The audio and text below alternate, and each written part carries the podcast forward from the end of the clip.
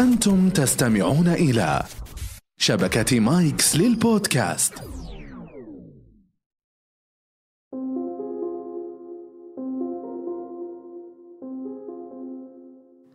أريد أن أذهب بعد قليل وأقدم مادة أمام الناس. سوف ألقي أمامهم. يا ترى في هذه اللحظات قبل الإلقاء بدقائق ماذا أفعل؟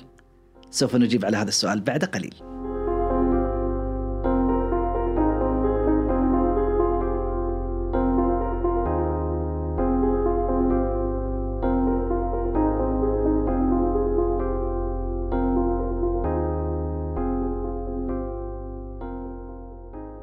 السلام عليكم ورحمة الله وبركاته. أدام الله عليكم الخير والمسرات والسعادة أينما كنتم. ما زلنا في عالم الإلقاء ومهارات الإلقاء. ولنا أن نتصور أن الإلقاء يمر بثلاث مراحل، قبل الإلقاء وأثناء الإلقاء وبعد ما تنتهي من الإلقاء أمام الآخرين. خلونا ناخذ الجزئية الأولى ونركز عليها في هذه الحلقة. قبل الإلقاء ماذا أفعل؟ عدة أمور. أول حاجة أخلص لله تعالى. كلما رتبت بيتك الداخلي وأقصد فيه قلبك كلما ارتحت عندما تعطي أمام الآخرين، تحصل بركة كبيرة سبحان الله في هذه العملية الإلقائية في المادة وإن كان على بساطتها ولكنها يكون لها أثر كبير وجميل، ولذلك يقولون قل لمن لا يخلص لا يتعب، لأنه فعلا رب عمل كبير تصغر النية، ورب عمل صغير تكبر النية، فأخلص حتى يكون أكثر قبولا للآخرين. ثانيا اعرف أنت سوف تلقي أمام مين؟ من جمهورك المستهدف الذي سوف تتحدث معه؟ من عدة نواحي ودائما نركز فيها من ناحية من ثلاث نواحي. الجمهور المستهدف. أول شيء الجمهور المستهدف عمريا. سوف أتحدث إلى أطفال ولا إلى شباب ولا إلى كبار سن أو سوف أجمعهم كلهم في حديث واحد لأن وسائل الإعلام يحضرها ويشاهدها الجميع. رقم اثنين جغرافيا. يجب أن تعرف أن تتحدث إلى أي شريحة جغرافية إلى دولة واحدة فقط أو إلى مدينة صغيرة داخل هذه الدولة أو إلى أكثر أو أقل أو عدة دول. بعضهم إلقاء داخل قاعة فيعرف أنه لا خلاص هؤلاء الذين سوف يحضرون من دول متعددة أو من مكان واحد من حي واحد وبهذا الشكل. رقم ثلاثة مستواهم الفكري والثقافي.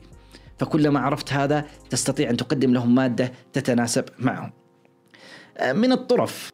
في هذا قصة حصلت في 1960 أو في الستينات. القصة الطريفة الله يعطيكم العافية شركة المأكولات الأكبر في العالم وهي شركة ماكدونالدز. عندما أرادت أن تفتح أول فرع لها في الهند ارتكبت خطأ كبيرا في هذه الجزئية التي نتحدث عنها. اعرف شريحتك المستهدفة. أعلنوا في الصحف أنه سوف نفتح الفرع الأول في دولة الهند.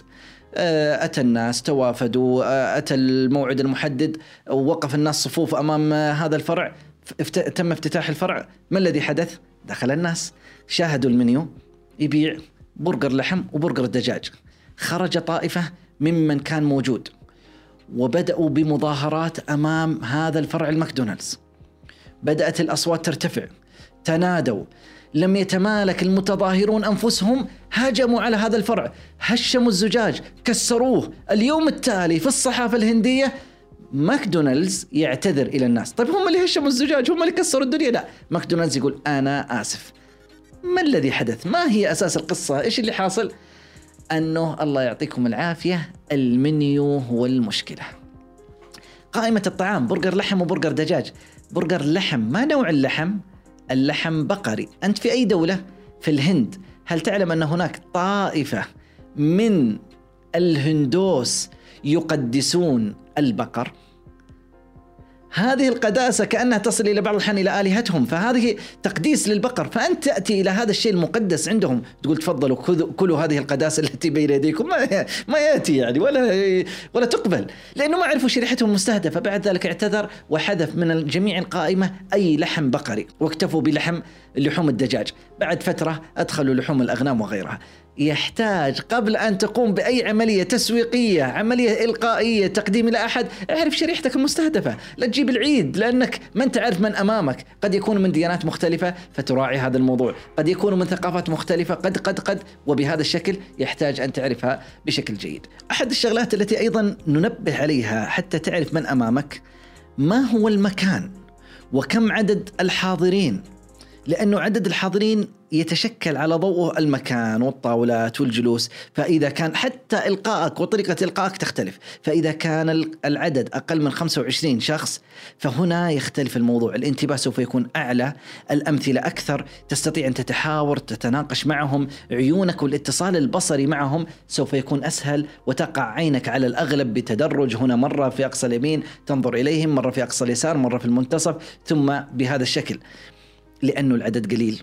وهذا يحفظهم عن السرحان والتشتت بنظرك بالتفاتتك بنقاشك معهم. بينما لو كان العدد أكثر من 25 يختلف. سوف يعتبر نسميه إلقاء جماهيري. إلقاء جماهيري له نمط آخر سوف نأتي إليه لاحقا بإذن الله تعالى. مرة ثانية اعرف من أمامك. سوف تعرف ما هي الرسالة الصحيحة التي توصلها لهم؟ كيف الطريقة الإلقائية الجيدة التي تلقيها أمامهم؟ من الطرائف أحد الزملاء كان لديه دورة تدريبية. أراد أن يقدمها ولكنه لم يسأل من جمهوره فأتى بطريقة إبداعية حلوة وجميلة.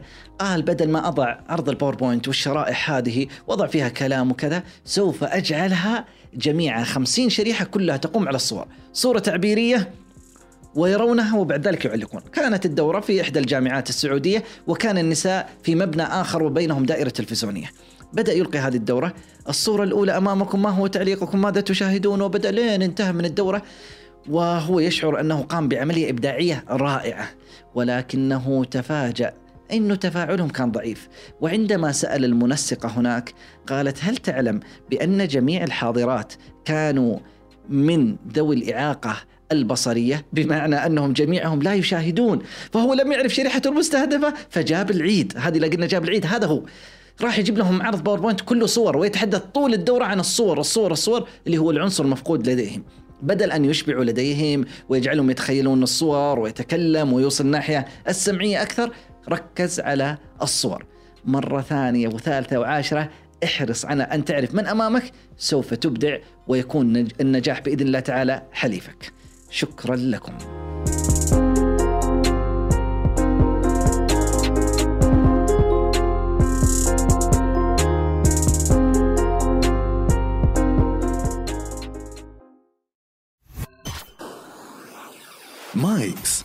صديقك المفضل الجديد.